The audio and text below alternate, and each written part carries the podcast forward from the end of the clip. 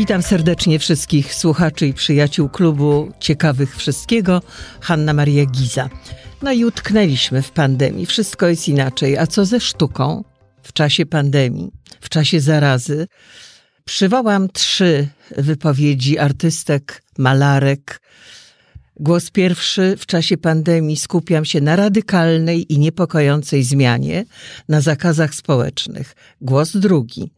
Izolacja nie jest dla mnie trudna do zniesienia, bo moja praca wymaga izolacji i sama ją sobie narzucam. Trzeci, dzięki myśleniu o sztuce, zdarza mi się zupełnie zapomnieć o wirusie. Trzy malarki, trzy głosy.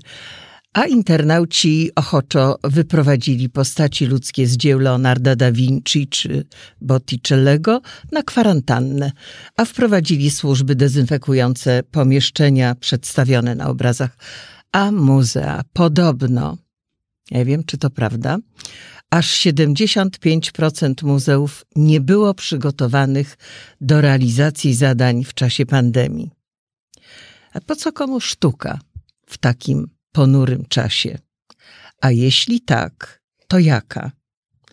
Witam w studiu gości mm, pani doktor habilitowana Dorota Folga-Januszewska, historyk sztuki, muzeolog, krytyk, doktor habilitowana nauk humanistycznych, profesor Akademii Sztuk Pięknych w Warszawie, prowadzi pracownię teorii i eksperymentu na Wydziale Grafiki, wicedyrektor Muzeum Pałacu Króla Jana III w Wilanowie. Dzień dobry pani. Dzień dobry i pani dr Maria Anna Potocka, krytyk, kurator, teoretyk sztuki, autorka książek z zakresu filozofii sztuki, doktor nauk humanistycznych, dyrektor Galerii Sztuki Współczesnej Bunkier Sztuki w Krakowie oraz dyrektor Muzeum Sztuki Współczesnej w Krakowie Mocek. Witam panią.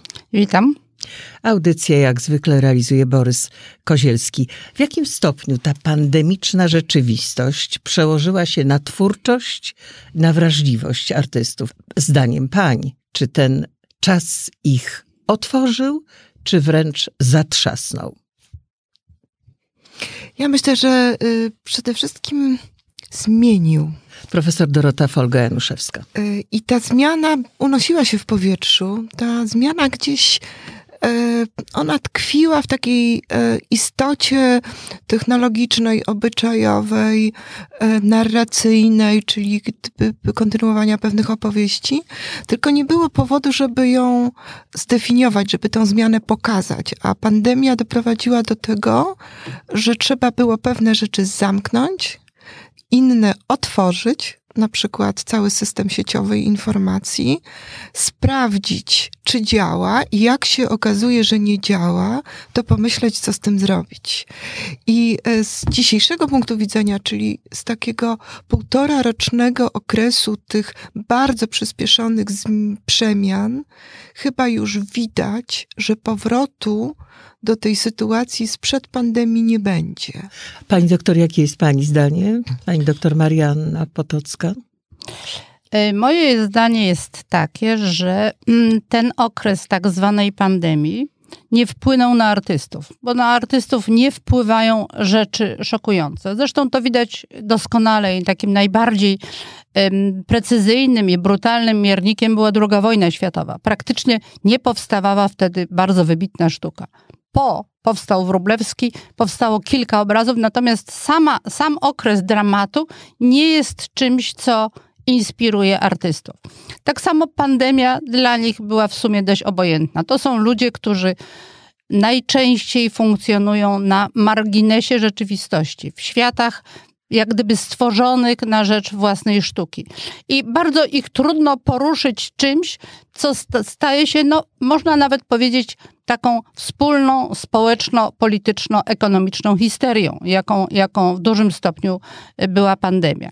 Natomiast y, taki eksperyment, czy taki gwałt na przyzwyczajeniach dotychczasowego życia, jakim jest pandemia, y, wymusza pewne zmiany zarówno na instytucjach, jak i prowokuje pewne zmiany w, w grupach odbiorców tych instytucji artystycznych. Jeżeli chodzi o mm, y, y, muzea czy galerie. Jeszcze przepraszam, do muzeów i galerii nawiążemy za chwilę. Natomiast chciałam się jeszcze zatrzymać na artystach. Powiedziała pani, że okres pandemii nie zmienił artystów. Jak to jest możliwe? W ciągu tego półtora roku strasznego, którego doświadczyliśmy wszyscy, tego roku epidemii, mieliśmy do czynienia częściej z medykami niż z artystami. Jak Częściej to? oglądaliśmy szpitale, karetki pogotowia, respiratory, maski tlenowe, strzykawki, maseczki. Zresztą strzykawki też się pojawiają w dziełach, które powstały w czasie pandemii.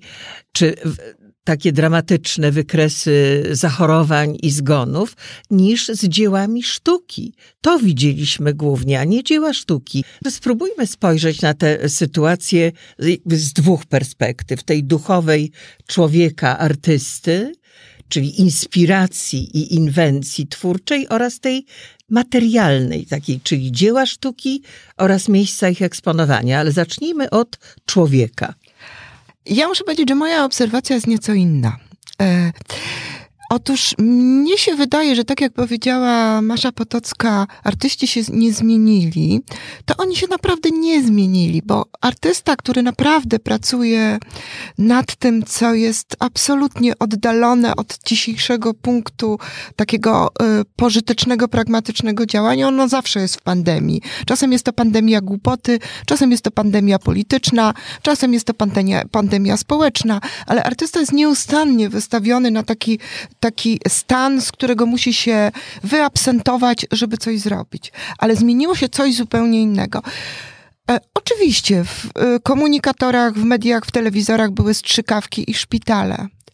Tylko, że do tych szpitali i do tych komunikatorów nagle zobaczyliśmy setki tysięcy obrazów, e, komiksów, e, zabaw z literą, zabaw z, o, z postacią ludzką. Nigdy wcześniej, i myśmy to przebadali e, wizualnie, nigdy wcześniej obraz tworzony przez artystę, czyli projektanta, rysownika, grafika, nie był tak często emitowany jak w czasie pandemii. Dlatego, że on stawał się ponadkulturowym komentarzem do tego, tego, co się dzieje. To jest niezwykle, ja to, o czym powiedziałam na początku, tej wielkiej zmianie, to jest niezwykle ciekawy czas, dlatego, że okazało się, że ta, to sieciowanie ogólnoświatowe, to wprowadzenie sztucznej inteligencji do tłumaczenia tekstów szybko i skutecznie pomiędzy Azją, Europą, Ameryką Południową doprowadziło do tego, że artyści, którzy się wcześniej nie komunikowali, to poprzez, ten, yy, poprzez tę sieć nagle zobaczyli siebie. I w tym sensie, moim zdaniem, pewne zmiany nastąpiły. No dobrze, zobaczyli siebie, ale czy przełożyli to, co zobaczyli, na swoje dzieła? Bo to dopiero e... zobaczymy. To dopiero zobaczymy. A no właśnie, podobno niektórzy e... artyści malowali obraz za obrazem, tak jak gdyby, prób, jak no. gdyby prób, gonił ich czas. A byli tacy, którzy mówili, że są w stanie malować tylko kwiaty na przykład, albo tylko owoce. Z kolei inni mówili, że nie, że w ogóle nie malują. Twierdzili, że, ta, że są, jest tak strasznie, że sztuka jest nikomu niepotrzebna i w związku z tym ich praca też jest niepotrzebna. Mnie się wydaje jeszcze jedna rzecz, którą chciałam do tego powiedzieć, o tym potrzebna czy niepotrzebna. Jeszcze ciąg dalszy tego komentarza. Co się zmieniło? Zmieniło się to moim zdaniem, że w takim społecznym ujęciu tego, jak, co robi artysta, pojawiło się coś, co ja nazywam widzenie sztuką. Nie sztuki, tylko widzenie sztuką. Nagle się okazało, że pewne obrazy są potrzebne, żeby zrozumieć pewne rzeczy. To, co było powiedziane o tym, że nagle y, y, damy z łasiczką wymieniły łasiczki na dziesiątki innych chirurgów, strzykawek, psów, kotów i tak dalej, to jest jedno.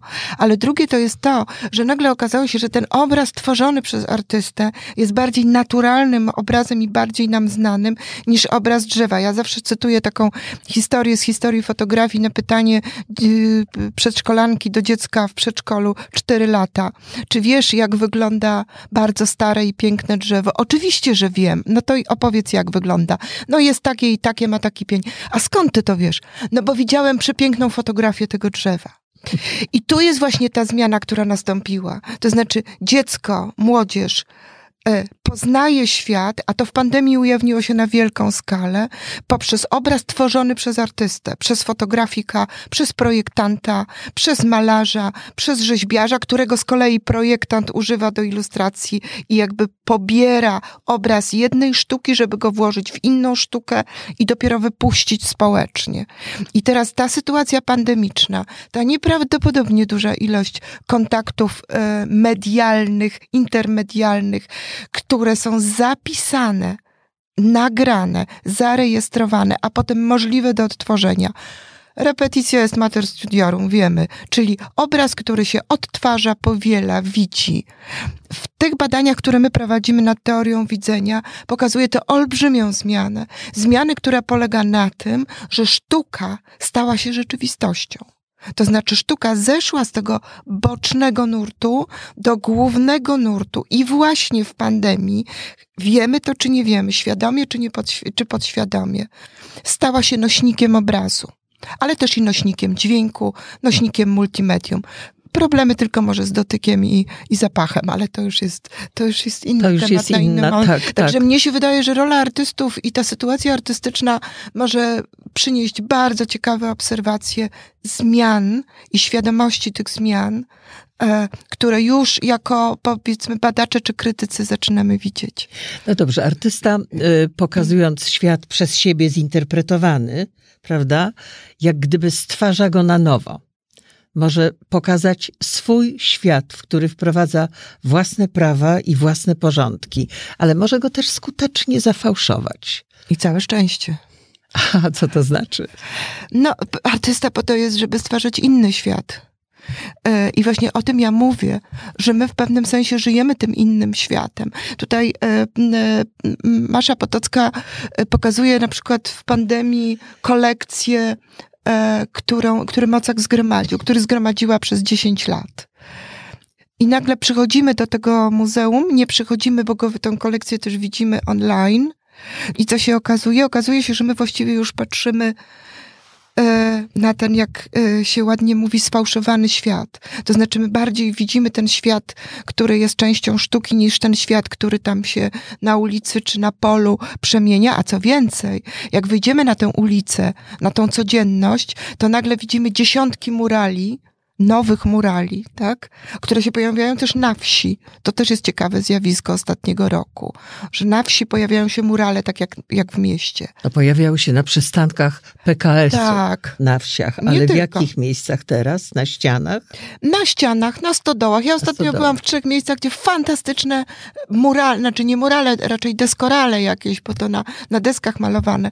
Nagle ta potrzeba obrazu podświadomie z muzeum, z kolekcji, po pewnej przemianie, po pewnej transpozycji. Czyli odwrotny proces. e, Tak, nie jest e, obraz do kolekcji, Tak, ale z kolekcji, z kolekcji na, zewnątrz. zewnątrz. Pani Maszo, proszę o tym E, opowiedzieć. Moment, moment. E, Tutaj musimy troszeczkę uporządkować e, pejzaż teoretyczny. Mianowicie nie każdy, kto tworzy obraz, tworzy sztukę. Nie każdy, kto pisze list, jest pisarzem. I tutaj jest coś takiego, że my, ponieważ rzeczywiście sztuka przez cały wiek XX robiła mnóstwo, żeby zatrzeć pewne takie ostre granice, przede wszystkim przez rozszerzanie i mieszanie mediów, y, ostre granice między sobą a rzeczywistością. I tutaj, I tutaj w tej chwili mamy sytuację, kiedy zdezorientowana ludzkość, bo pandemia doprowadziła y, sytuację do ogromnej dezorientacji. Wcześniej myśleliśmy, że nikt nie umiera. Y, Ani TVN, ani Onet nie podawały y, dziennych liczb ludzi, którzy umierają. Takich, którzy są pod respiratorami, którzy są na ojomie. Myśmy tego nie wiedzieli. Świat był piękny i nieśmiertelny. Nagle pojawiło się to, że jesteśmy bardzo śmiertelni i bardzo narażeni i każdy człowiek jest dla nas niebezpieczeństwem, każde miejsce jest zagrożeniem, respiratorów nie będzie, trumny będą jeździły po ulicach, najlepiej otwarte, żeby było to. I tak, i tak narastało. I ludzie w atmosferze czegoś takiego potrzebują pewnego rodzaju impulsu zrozumienia. I tutaj się pojawiło mnóstwo obrazów na różnych polach, które trudno jest nazwać sztuką. Są to pewne wypowiedzi ludzi myślących ciut głębiej na temat tego, co jest wspólną dezorientacją.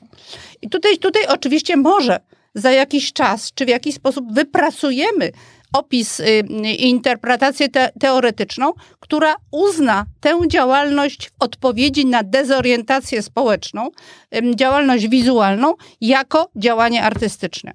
Ale wróćmy do trochę takiego starszego myślenia o, o artyście. Artysta jest to człowiek, który jest egoistą, egocentrykiem, człowiekiem, który przede wszystkim funkcjonuje po to, żeby rozszerzyć swoją zdolność rozumienia, y, stłumić pewien rodzaj dramatu opartego na biografii, na poczuciu samotności, na poczuciu izolacji, na poczuciu outsiderstwa.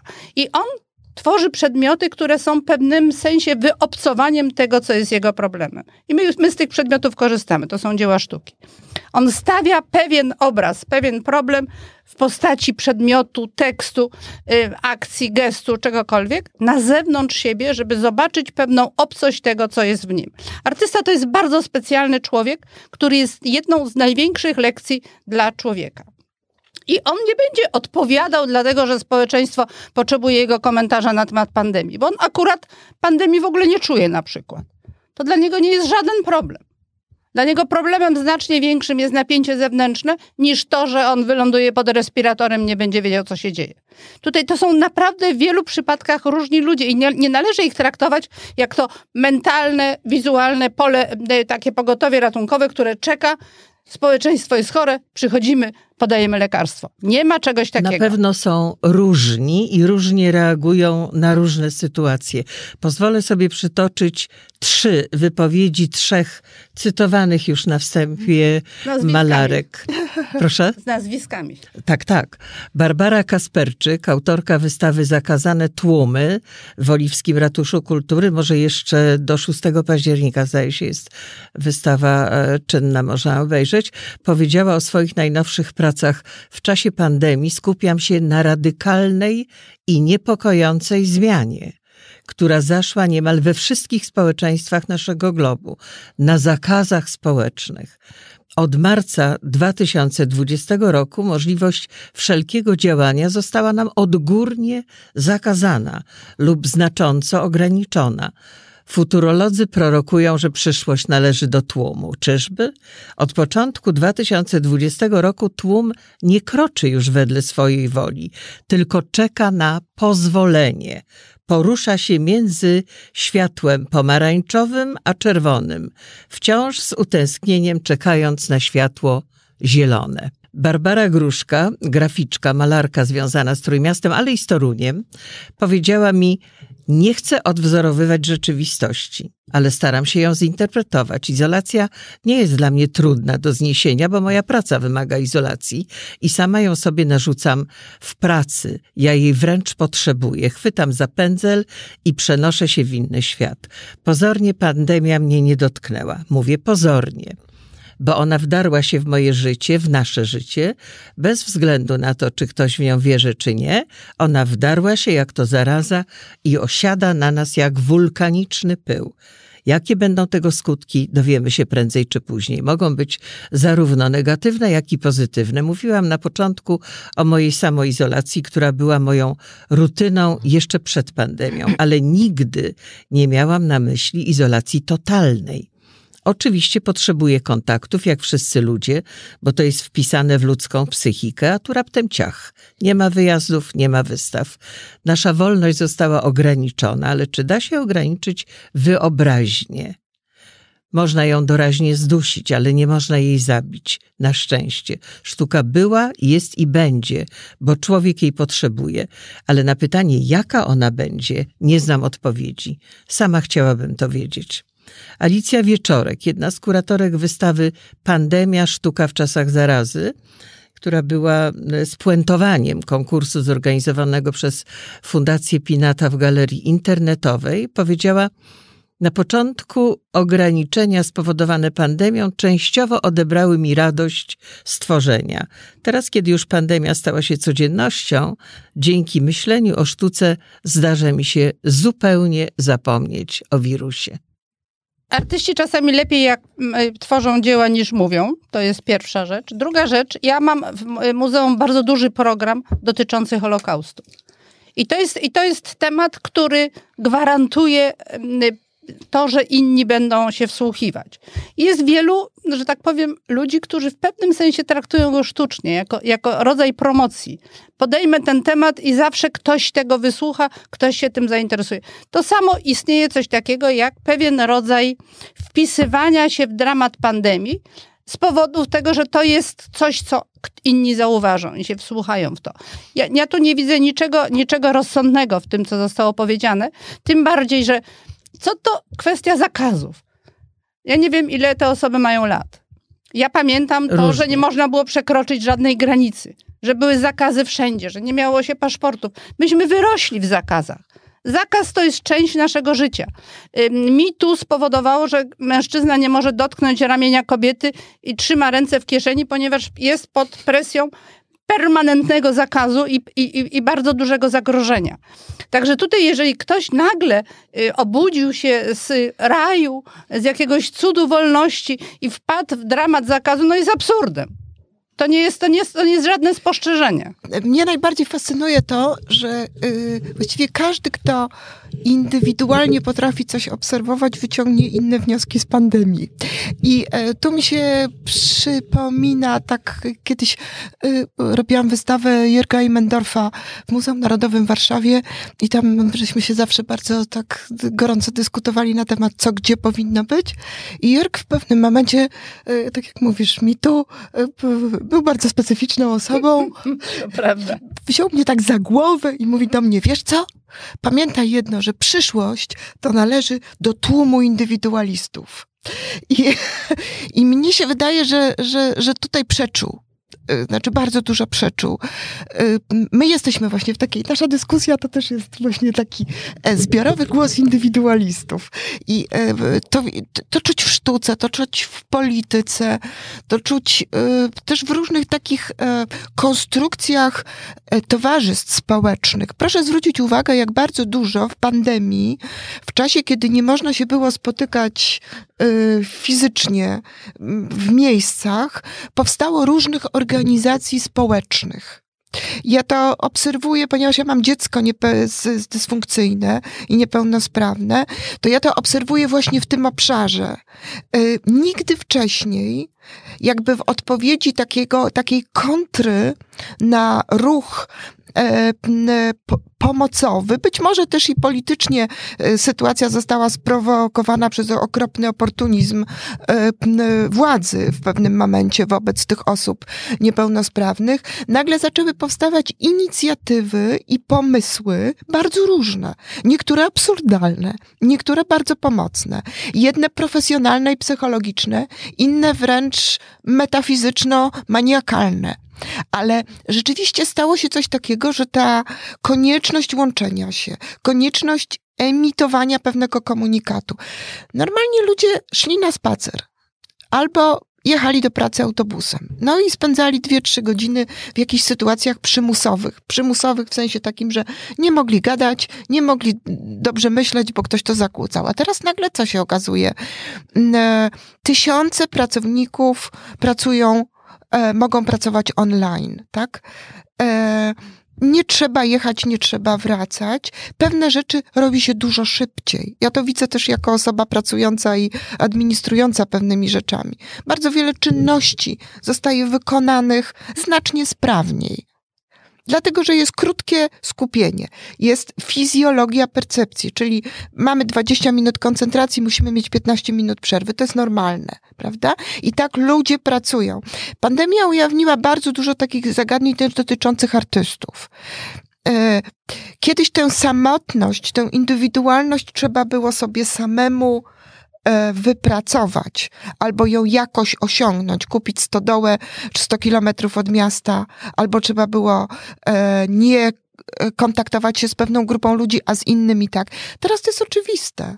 Ale to jest ta izolacja, o której Barbara Gruszka tak, mówiła Tak, ale ta izolacja e, ma już inną postać. To, ta, ta postać nie jest moim zdaniem e, do jednoznacznie takiej pejoratywnej oceny, jak to usłyszeliśmy. To jest to, co powiedziała y, Masza Potocka, że każdy artysta jest y, na swój sposób tak silną i wsobną indywidualnością, że tutaj uogólnienie w stosunku do pandemii będzie bardzo trudne, ale możemy uogólnić efekty tych zmian. To znaczy efekty tych zachowań. I co się stało? Ci najbardziej y, samotni, ci najbardziej odcięci, nagle się pokazali.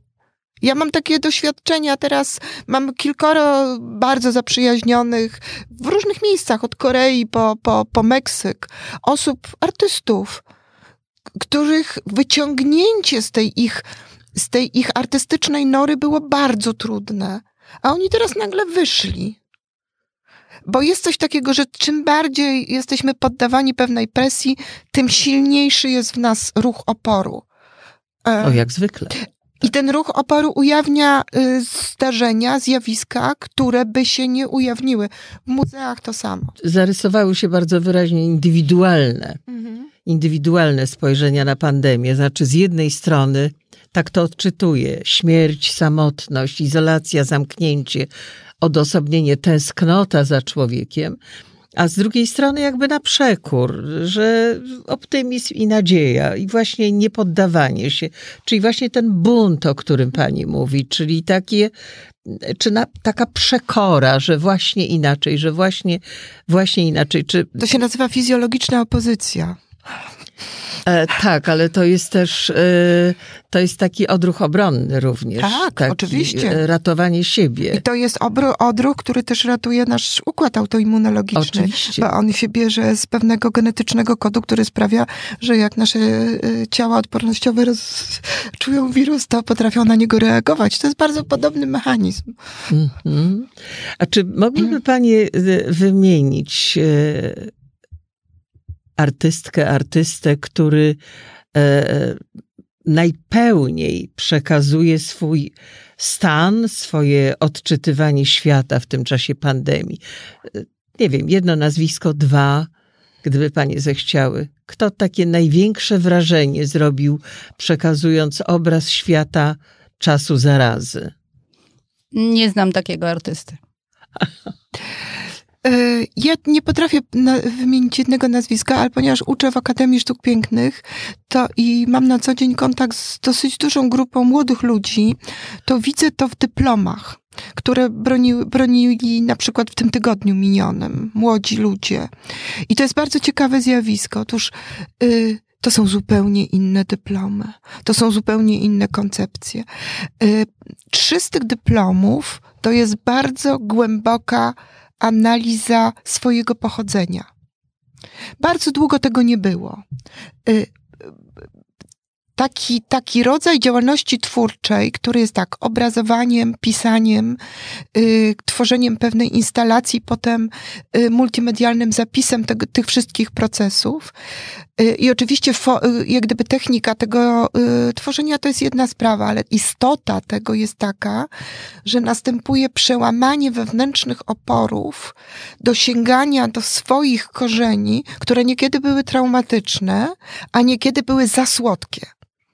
I e, w tych dyplomach się pokazała opozycja zarówno wobec tego, co było za dobre, jak i wobec tego, co było fatalne, czyli y, powiązane z pewną traumą. Ale tendencja jest podobna. Jest to niezwykle metodyczne, bardzo skuteczne formą artystyczną odszukiwanie tej własnej nici. Jeden z tych dyplomów polegał na tym, że e, dziewczyna, która pochodzi z miejscowości niedaleko położonej w Warsza- pod Warszawą, takiej wsi, w której już prawie nic nie zostało, poszukuje swojego śladu, którego nie może znaleźć ponieważ te ślady były jakby może z głupoty, może z nieświadomości, może celowo zacierane. I to zacieranie tych śladów staje się problemem. I z tego zacierania śladów w tym dochodzeniu do własnej, własnej tożsamości rodzi się dzisiaj obraz tego zacierania. E, nigdy, no, przez kilkanaście lat nie przypominam sobie tego typu podejścia i łączę to jednak z tym, z tym rodzajem pewnego, pewnej opozycji wobec odcięcia. Czyli gdzieś to przeniesienie, powiedzielibyśmy, to jest takie takie troszeczkę przenoszenie pewnego stanu fizjologicznego na stan intelektualny. Zobaczymy, co będzie dalej. Ale to jest, Ale to jest ładny unik, co zrobiłaś teraz. Dlatego, że w sztuce jest y, w mhm. pewnym sensie powracająca taka skłonność do inspirowania się mm, y, jakimiś zawiłościami własnej biografii. Są artyści, mhm. którzy cały czas to robią y, i są artyści, którzy do tego, do tego wracają, ponieważ jest coś takiego jak duch czasu. I tutaj, i tutaj oczywiście e, odległość e, powiązania tego, co, się, co o czym mówiłaś, z tym, że wokół jest jakaś pandemia, no jest bardzo, bardzo duża. Ale to, o czym ty mówisz, to dotyczyło najczęściej z moich obserwacji wynikało artystów dojrzałych. A tak, ja tak, mówię, oczywiście. A, widzisz, a ja mówię tak. o czymś, co dotyczy ludzi bardzo młodych, mających 22, 23 Ale dlaczego lata. przypuszczasz, że to ma związek Oni o tym mówią. Oni o tym mówią. Oni o tym, Oni o tym a, mówią. Tego nie to nie jest moja interpretacja, przepraszam, to, to trzeba uzupełnić. Mhm. Oni o tym mówią. I oni mówią w trakcie obrony na dyplomie, Ale czy to że nie ta wynika tak? sytuacja doprowadziła ich do wyboru takiego tematu. A czy, bo wiesz, młodzi artyści mają w pewnym sensie też dużą bezradność w stosunku do treści, które, które tak. wypuszczają. Oni nie do końca mają świadomość tego, skąd one się wzięły, z, tak. jakiego, z jakiego napięcia, z, jakiego, z jakiej inspiracji. Być może jest to łatwe powiązanie, być może to było pewne Wiesz, to nie było ufasz. łatwe. Nie, znaczy wiesz, ja prowadziłam tę pracę mm -hmm. przez półtora roku czy dwa lata od strony teoretycznej. To znaczy miałam, oni robili różne rzeczy, ale jednocześnie pisali ten tekst, tak? Poddawali się różnego rodzaju. W związku z tym mogłam to obserwować nie jako y, ktoś, kto przychodzi i widzi rezultat, tylko ktoś, kto y, widzi zmiany, które zachodzą. I to, co mnie uderzyło, a to słusznie powiedziałaś o tym, że każdy artysta w pewnym momencie dochodzi, tylko zupełnie w innym momencie. Ale dyplomy to jest po pięciu latach, a pandemię mamy dwa. Tak, ale jeżeli ta pandemia trwa dwa, a dyplom, w gruncie rzeczy dyplom to, są, to jest dwa i pół roku. To jest dwa i pół. Więc dlatego, mamy odpowiedź, że tu... są artyści, którzy reagują na pandemię tak. bardzo szczególny Ale sposób. może to po prostu polega na tym, że obrazem łatwiej przekazać niż słowem bardzo Ale często. oni piszą, właśnie to jest niesłychane, że Akademia Sztuk Pięknych w Warszawie nagle się ujawniła się. jako, jako y, Ja myślałam, że oni obszar, to obrazem przekazują. Nie, jako obszar semantyczny. Y, ja nawet byłam zdziwiona, bo kiedyś te prace teoretyczne były kilkustronicowe. Dzisiaj mam taki dyplom, który liczy 80 parę stron tekstu, który się świetnie czyta. I to jest dla mnie bardzo duże zaskoczenie. E, oczywiście to może być przypadek. Oczywiście to mogą być sytuacje, są różne takie, ale jeżeli sami artyści mówią o tym, że w tym stanie pandemii mieli wreszcie trochę czasu, żeby popisać. A no tak. czyli, czyli jednak to wróciło... znaczy, że to nie jest mm -hmm. tylko i wyłącznie przypadek. Znaczy ja nie robiłam badań pod kątem tego, jaka, jaka ilość artystów, czy jaki procent artystów jednak zareagował na pandemię, ale ponieważ w muzeum ciągle mam jakieś pieniądze na y, powiększanie kolekcji, więc jeżdżę badając, że tak powiem, konfigurację ekonomiczną danych targów, jeżdżę po, po świecie po różnych targach. I tam targi mają mm, to do siebie, że są e, w porównaniu z takimi muzeami, które starają się o zestawienie prac, o uzasadnienie, mm, o budowanie problemów i tak dalej. Targi to jest taki cudowny chaos. To jest taki, mm, taki rodzaj aktualnego wymiotu tego, co jest produkcją artystyczną. Tam jest tysiące różnych rzeczy powieszonych przypadkowo, więc jest taki wgląd statystyczny w obraz tego, co sztuka produkuje. I tam nie ma pandemii. Także tutaj można przypuszczać i zresztą naprawdę, ja dużo się zajmuję drugą wojną. Tam znalezienie czegoś, co byłoby indywidualną sztuką, a nie próbą jak gdyby poświęcenia swojego talentu na zilustrowanie czegoś, co było dramatem, bo tego typu cykli jest trochę w II wojnie światowej, takiego oddania się na rzecz e, wspólnej sprawy, no nie ma, nie, sztuka nie lubi czegoś, co jest wspólnym dramatem. Aczkolwiek przy pandemii nie, używa, nie użyłabym tak ciężkiego słowa. Tak, bo z tą pandemią to też jest trochę przesada, dlatego że jak się przeczyta, że na przykład 200 do 500 milionów ludzi rocznie choruje na malarię, tak? A 20 milionów ludzi na malarię umiera tak. rocznie. To jest to, co, co powiedziałaś o y, kanałach informacyjnych, które nagle zaczęły przy, przy pandemii COVID podawać, ile osób się zakaziło, ile zmarło, tak? Ale nie podają codziennie, ile osób y, y, ilu osób jest rozpoznawany nowotwór i ile osób umiera na, notwo, na nowotwór. niedostępności tak, do niedostępności do medycyny, tak, ale też i wielu się już innych... nikt nie zajmuje. Tak, Teraz ale pandemia jest y, najważniejsza. Przecież przechodziliśmy przez y, y, wiele y, nawrotów grypy, prawda? Której pandemie czy epidemie grypy też doprowadziły do bardzo ciężkich y, stanów, powiedziałabym, społecznych. Ja miałam okazję recenzować bardzo ciekawą pracę doktorską, która była poświęcona skutkom skutkom grypy hiszpanki w Europie i wpływowi jej na sztukę. Napisana praca w Austrii na Uniwersytecie Wiedeńskim E, mm, Czyli pierwsza wojna tak, światowa. Tak, bardzo podobna sytuacja, bo ta mm, epidemia mm, Hiszpanki trwała około trzech lat. Od 18 do 21 tak, roku. Czyli tak, po, po wojnie. Tak. No, I e, tak. E, taka, tam jest bardzo mocno postawiona teza w tej pracy, że radykalizacja postaw artystycznych, nowe eksperymenty, nowe kierunki, nowe działania, które się zapowiadały bardzo mocno po 1905 roku. Łącznie z 1917 czy 18 z dadaizmem, z takim wybuchem y, futurystycznych idei i tak dalej, zostały tak naprawdę wygaszone, wygaszone przez pandemię.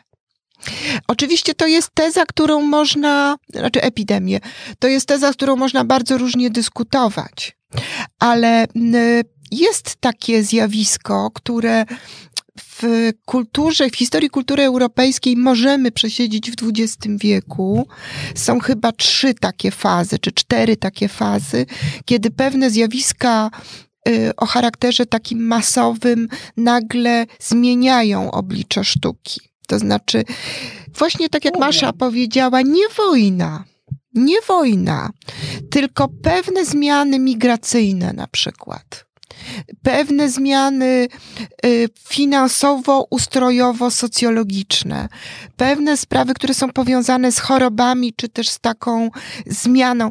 Dzisiaj bardzo mało ale też się. Samotność, ale też izolacja, tak, ale, też ale też brak i... kontaktu z drugim człowiekiem. Oczywiście y... to jest tak wieloskładnikowy pejzaż, że takie badania społeczne, socjologiczno-naukowe, które robią ankiety, ja mam przed sobą na przykład taki raport, który Międzynarodowa Rada Muzeów ICOM zamówiła, nad, który się nazywa Muzea, y, Muzealnicy i COVID-19.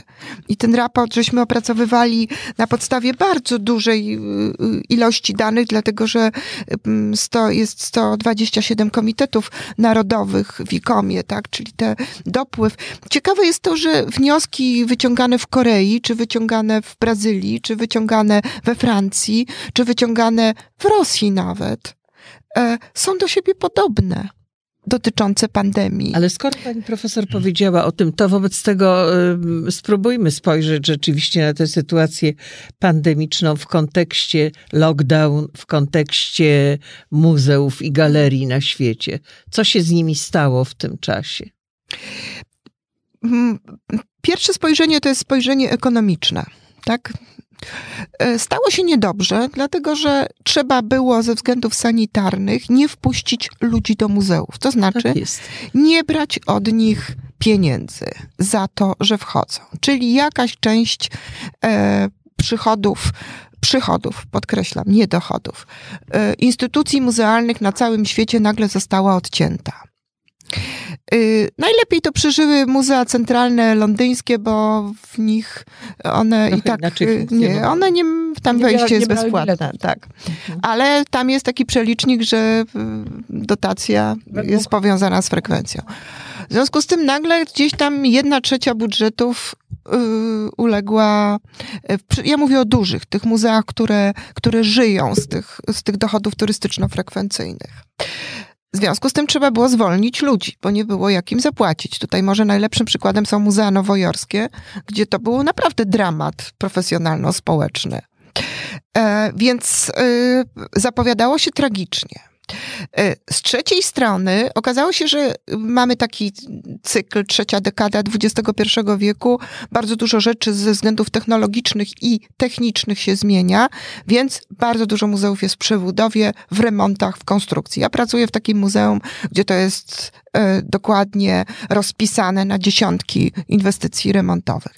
Zamknięcie muzeum z powodu COVID było błogosławieństwem z tego punktu widzenia. Można było budować, remontować, izolować, y, chemizować, dezynfekować. Y, Wiadomo, wszystkie takie przestrzenie społeczne co jakiś czas wymagają mm, takiego, takiej sani, ładnie, jak to się ładnie nazywa, sanizacji Tak. tak, uzdrowienia. Y, W związku z tym jakaś grupa tych instytucji, jeżeli miała fundusze pomocowe, czy mm, fundusze społecznie gromadzone na te cele, bardzo dobrze je wykorzystała i zainwestowała, no bo trzeba powiedzieć otwarcie, że jak można zamknąć całkiem muzeum, żeby je wyremontować, to jest dużo łatwiej i szybciej, niż kiedy ten ruch e, z bezpieczeństwem ludzi się odbywa. Czyli tutaj nagle okazało się, że nie jest e, ta Że pandemia pandemia jest dobrodziejstwem. że, no, może dobrodziejstwem nie jest, ale nie ma tego złego, co by na dobre nie Tak wyszło. jest.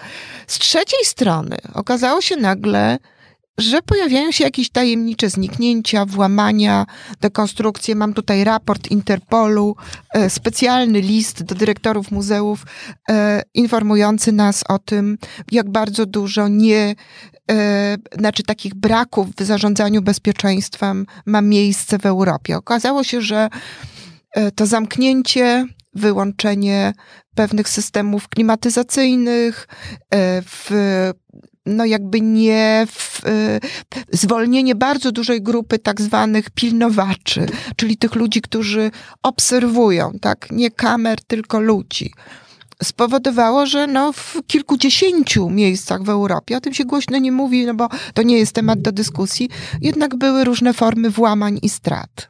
Spowodowanych właśnie zamknięciem i jakby zwolnieniem tego napięcia y, w zakresie Czujności. Tak, czujności. Więc tutaj, no ale z, wystarczyło 10 miesięcy takiej obserwacji, żeby wdrożyć nowe systemy, które mają o wiele większą skuteczność. I to się dzieje. Tak? Nagle organizatorzy muzeów, y, regiony, samorządy, państwa, stowarzyszenia, fundacje, które posiadają muzea, które są organizatorami dla muzeów, zdały sobie sprawę, że muszą zasilić finansowo i y, też pomocowo ten obszar bezpieczeństwa. Wzmocnienie tego y, zakresu bezpieczeństwa jest naprawdę bardzo ważne, bo to nie jest tylko kwestia tego, że coś się zamknie lepiej albo mocniej, tylko że utworzy się lepsze systemy dostępu, lepsze systemy ewakuacji, że stworzy się pewne struktury szkolenia pracowników, którzy uświadomią sobie, gdzie są te najbardziej newralgiczne punkty. Jeżeli sobie zdamy sprawę na przykład, że tak jak u nas w Wilanowie w ciągu 2019 roku przewinęły się ponad 3 miliony osób, gdzie są takie miejsca jak Wawel, Malbork, Louvre, tak, gdzie tych ludzi e, naprawdę przypływa olbrzymia ilość. No to uświadomimy sobie, że to są ważne zakresy, bo to jest bezpieczeństwo publiczne.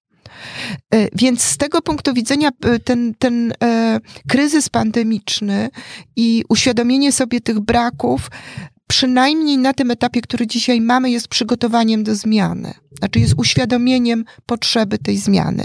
W niektórych miejscach ona pewnie nastąpi szybciej, w innych z braków finansowych się przeciągnie, ale y, nie możemy już powiedzieć, że my tego nie wiemy albo że nie zdajemy mhm. sobie z tego sprawy. Ja przejrzałam dane GUS-u i Główny Urząd Statystyczny podaje, że w 2020 roku w Polsce no, funkcjonowały 932 muzea wraz z ich oddziałami. Odwiedziło je 16 milionów 600 tysięcy gości, co w porównaniu z 2019 rokiem stanowi spadek wynoszący aż 58,7%, czyli liczba zwiedzających była to można obliczyć mniejsza o 23 miliony 600 tysięcy niż tak. Y, rok wcześniej. Y, w A, tym tak, ale wejścia na strony internetowe zwiększyły się o 280%. Tak jest, tak jest. Ale czy to znaczy, że być może tak. Nie wiadomo, ile ta pandemia piekielna będzie trwała, ale czy to znaczy, że e, w przyszłości muzea mogą zamknąć się dla zwiedzających i funkcjonować jak gigantyczne magazyny sztuki, które będą swoje zasoby, swoje zbiory udostępniały wirtualnie. W pewnym sensie robią to biblioteki od dawna. No tak, właśnie. Prawda? Polona czy dziesiątki różnych kanałów systemowo Ale brak kontaktu ze sztuką, taki Ale zaraz, zaraz, osobowy, sekundę, sekundę. bezpośredni. Tak, oczywiście. Tutaj e, robiliśmy też w Wikomie badania nad e, jakby skutecznością i sensownością e, udostępnienia zbiorów online. I mamy w wyniku tych badań takie raczej przekonanie, że czym więcej podaje się tej informacji na drodze cyfrowej, tym bardziej zwiększa to frekwencję e, fizyczną. Dlatego, że to jest takie wprowadzenie. Wszyscy kiedyś mówili, bardzo dużo ludzi mówiło, że jak muzea będą udostępniać swoje zbiory online, to to sprawi, że ten kontakt będzie zmniejszony. Dzisiaj widzimy, tutaj mam taką ankietę z badaniem e, i podsumowaniem, że e, po tej olbrzymiej, olbrzymim przyroście wejść wirtualnych następuje olbrzymia grupa osób oczekujących, a to oczekiwanie jest materialnie dowodne, bo oni kupują cyfrowo, internetowo bilety na godziny wstępu, rezerwując sobie wejścia na określone wystawy do muzeów z wyprzedzeniem pięciu miesięcy. Tego nigdy wcześniej nie było w taką skalę, prawda? E, to jest też ciekawe. My, my w Wilanowie, y, y, sprzedając bilety online, widzimy, w jaki sposób wypełnia nam się frekwencja już w perspektywie miesiąca. Tak? Kiedyś nie mogliśmy przewidzieć, kto przyjdzie jutro, a kto przyjdzie za tydzień. Więc tu jest też taka zmiana i tutaj jest jeszcze jedno ciekawe zjawisko. Otóż ludzie oczekują, że jak przyjdą, to otrzymają coś, czego wcześniej nie otrzymywali na przykład 10% pytań w tej ankiecie, którą zleciliśmy takiej grupie badawczej z Korei, jest, że będzie można w ramach warsztatów dotknąć, powąchać. E, ale to już był wykonać. projekt wcześniej Oczywiście, sygnalizowany. Ale tu chodzi o masowość informacji o tego typu potrzebach. Bo kiedyś to były to były takie rzeczy, one funkcjonują od dawna, one funkcjonują od lat 60. XX wieku. Muzea Techniki to niezwykle silnie mhm. wprowadziły swego czasu.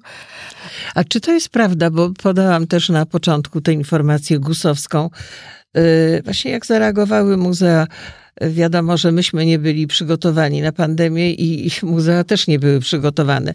A czy to jest możliwe, żeby aż 75% muzeów w Polsce w ogóle nie było przygotowanych do realizacji swoich zadań w czasie pandemii? Znaczy brzmi to dramatycznie. Jeżeli tak. nie były przygotowane, to znaczy, że w ogóle były źle prowadzone. Ponieważ zareagowanie na te stosunkowo powoli y, narastające wymagania sanitarne, ograniczenia, przygotowania do powtórnego otwarcia, przygotowania do, do, do pojawiania się w y, sieci, to jest obowiązek gotowości. Tutaj nie jest kwestia tego, że nie, nie zareagowano, znaczy, że były źle prowadzone. I to już jest. I to, to już nie znaczy, jest, że tak, alarm nagle tak, powinien coś tak, uruchomić. Tak, tak, oczywiście. To Także być. tutaj to jest jak gdyby inny sygnał. Mhm. Ale wracając do tego, co mm, pani, o co pani pytała wcześniej, czy y, ta rozległość obecności muzeów w internecie nie spowoduje tego, że one zaczną być martwe jako obiekty takie fizyczne. Przypomnijmy sobie, połowa XIX wieku pojawia się fotografia Śmierć malarstwa. Pojawia się film Śmierć teatru. Tak.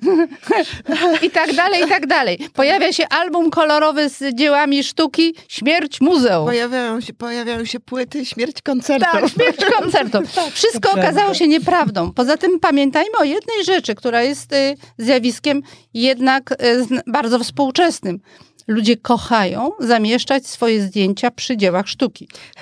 I oni muszą stanąć przy danej rzeźbie, obrazie, wejść do, do instalacji dróżdża, gdzie jest specjalne takie światło, że wszystkie zdjęcia wychodzą fenomenalnie. Tych takich sytuacji rodzinnych w, naszym, w naszej instalacji Stanisława Dróżdża jest mnóstwo. Także raczej, raczej widzę przyszłość takiej fizyczną muzeum. Poza tym zauważyłam w momencie, kiedy w zeszłym roku tam byłam zaskoczona pani, pani danymi, że jest 19 milionów, to jest 58%. W sumie czas zamknięcia zeszłego... W 19 roku, tak, tak że, że, to jest czas, spadek nie, o 50. w 20 roku, że było 58. W 20 że, roku było zwiedzających 16 milionów no 600 właśnie, Czyli o 58% spadek. Mniej niż poprzednim A roku. ilość y, y, dni które były zamknięte muzea w zeszłym roku, była większa niż 58. Czyli to mhm. znaczyłoby, że jednak y, ilość zwiedzających wzrosła. I ja to zauważyłam, bo w ludziach obudziło się coś takiego jak carpe diem.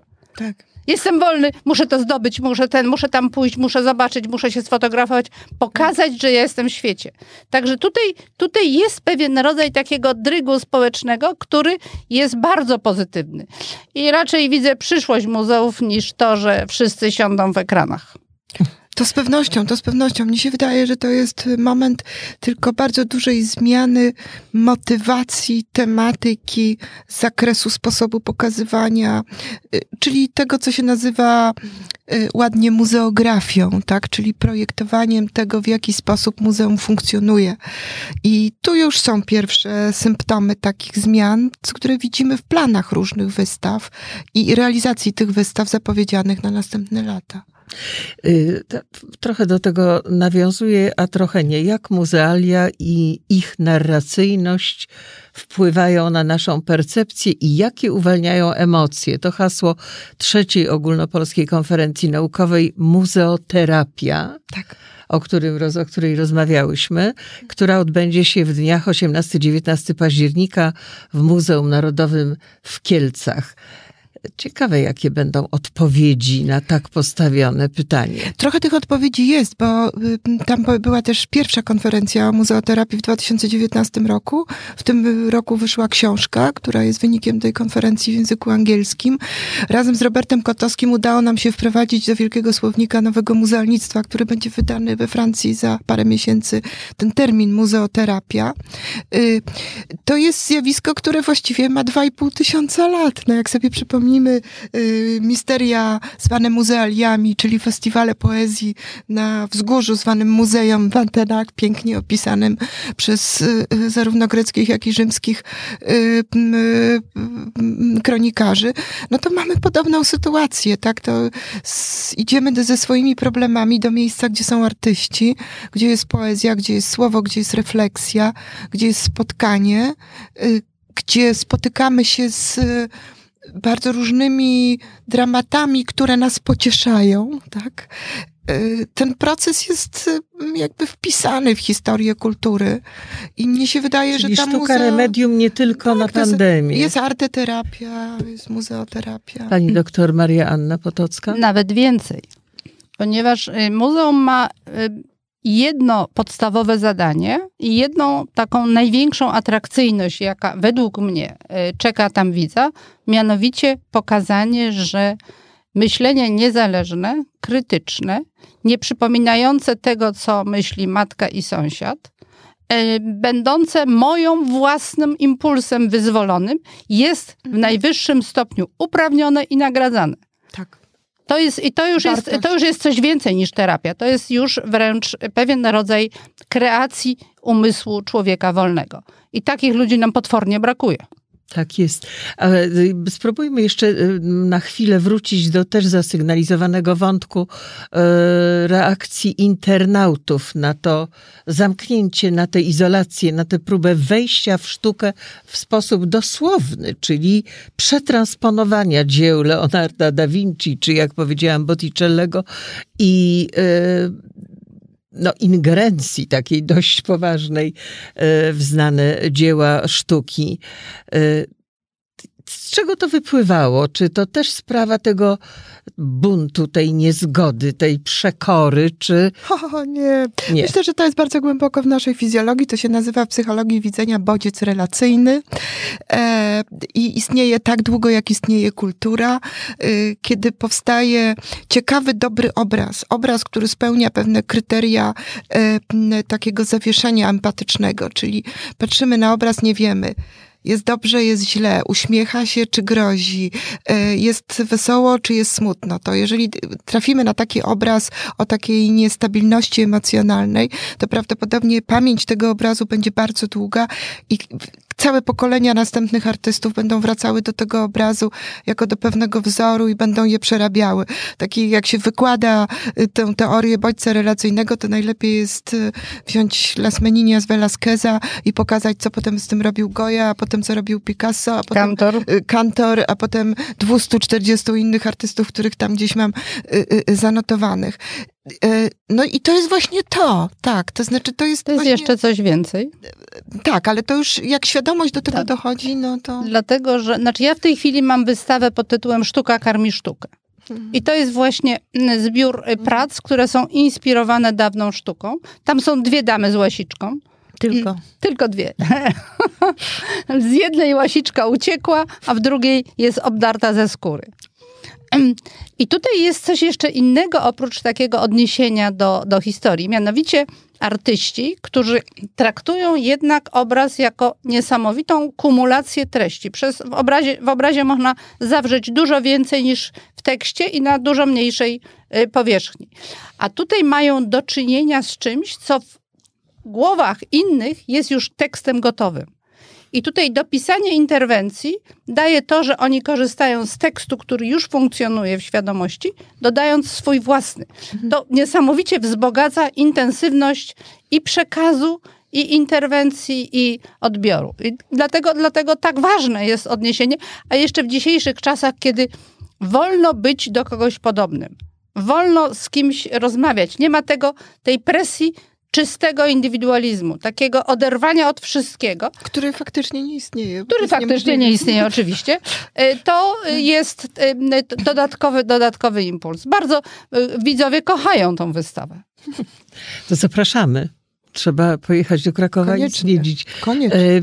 Rozmawiałyśmy też swego czasu o tym, w jaki sposób studenci Akademii Sztuk Pięknych, no i innych szkół artystycznych, plastycznych reagują na, e, na to, co się dzieje, na ten czas ponury i wstrętny. Jak można, pani profesor, uczyć studentów Akademii Sztuk Pięknych i innych szkół plastycznych zdalnie? Profesor Dorota Folga-Januszewska. No, nie jest to Jak takie się to proste. Aczkolwiek y, ja muszę powiedzieć, że z tego półtora roku y, no, częstych zajęć jednak online y, w, doszłam do wniosku, że pojawia się inne ciekawe zjawisko, którego nigdy wcześniej nie było. Otóż nagle widzimy przed sobą czyjąś twarz i widzimy jego spojrzenie. Na ekranie. I, tak. Komputera. Tak. I nagle to, co ten człowiek mówi, słowa, które wypowiada, tembr głosu, dźwięk, mimika, nakłada się na pewną treść, która jest przekazywana. I z moich obserwacji wynika, że to jest wtedy troszkę inne rozumienie tego przekazu. Ja mam bardzo dziwne obserwacje, które oczywiście ja pracuję z grupą studentów, która nie jest liczna. To nie są studia, gdzie są dziesiątki czy setki osób. Co, każdy rocznik to są to jest grupa indywidualności. Najczęściej po, po pierwszym roku pamiętam już wszystkie imiona i nazwiska osób, z którymi mam do czynienia, a co gorsze, zostają mi one potem jeszcze na lata. I kiedy potem widzę ich jako artystów, to widzę ich też y, w tym ciągu y, przemian, które, które przechodzili. W związku z tym to jest inny typ obserwacji pewnie niż moich kolegów, którzy wykładają na uniwersytecie, prawda, gdzie, gdzie jest inny tryb. Y, czyli ten kontakt jest w gruncie rzeczy stał się bardziej intymny. On się stał czasami tak niezwykle osobisty, że ja czasem nawet wpadałam w pewne przerażenie, że ja do nich mówię, a kiedy im nie pokazuję prezentacji, to oni widzą moją twarz, a na mojej twarzy no, różne rzeczy mogą się kryć. E, w związku z tym y, nagle okazuje się, że tak jak trochę w szkole teatralnej trzeba popracować nad, nad y, ekspresją. Ale mm, generalnie w Akademii Sztuk Pięknych w Warszawie wszystkie zajęcia się odbywały in situ. To nie jest tak, że oni y, mieli zajęcia praktyczne y, online, broń Boże, korekty, pracownie. Y, Akademia była otwarta od wczesnego rana do późnego bardzo wieczora, żeby te grupy były mniejsze, w których, w których oni pracują.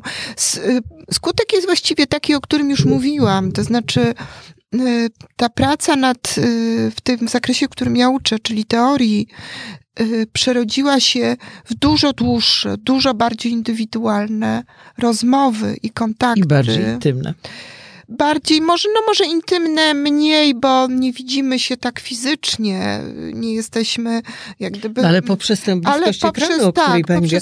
Mnie się to skojarzyło z takim wirtualnym zwiedzaniem muzeów, gdzie można sobie mhm. detal obejrzeć jakiegoś tak. dzieła, który fascynuje, intryguje, a nie mogę go zobaczyć w muzeum, bo nie wolno mi podejść, nie wolno tak, jest a, jeszcze sfotografować. Lornetka. Tak, jest Lornetka. jeszcze taki o, aspekt... To jest dobry pomysł. Tak, jest jeszcze taki aspekt y, kontekstowy. Otóż za każdym razem widzę tych ludzi w jakimś otoczeniu. No bo oni się, oni siedzą przed kamerką.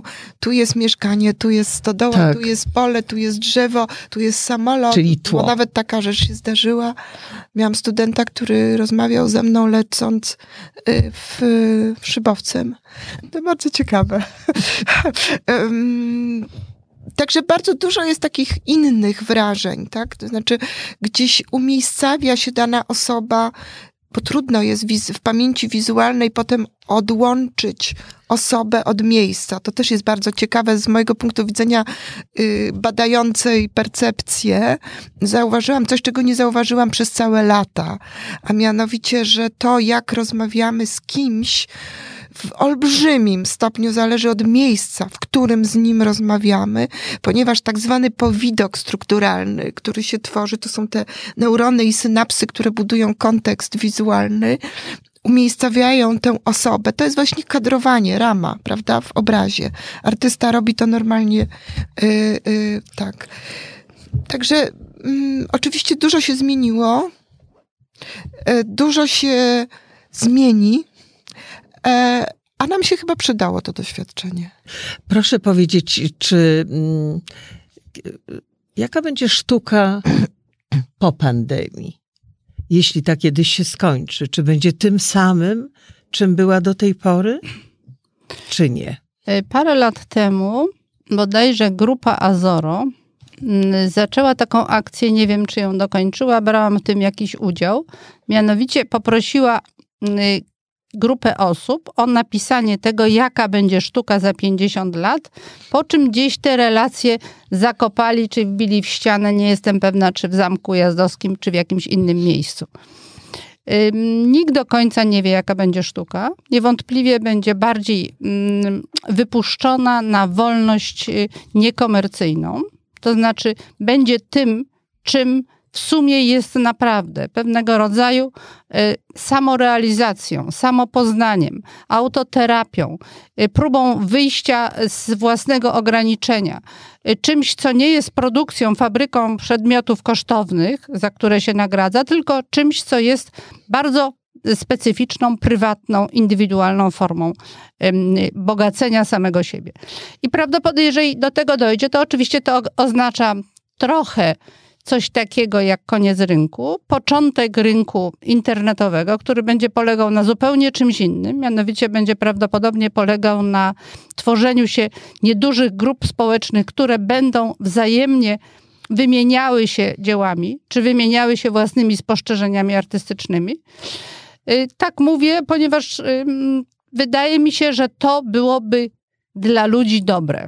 Ale wiadomo, że to, co jest pewnego rodzaju taką wizją i prognozą pożytku społecznego czy duchowego, no rzadko się spełnia. Prawdopodobnie dalej będziemy produkowali dzieła sztuki wysadzane brylantami i dalej będziemy się straszliwie egzaltowali każdym milionem dodatkowym na aukcji.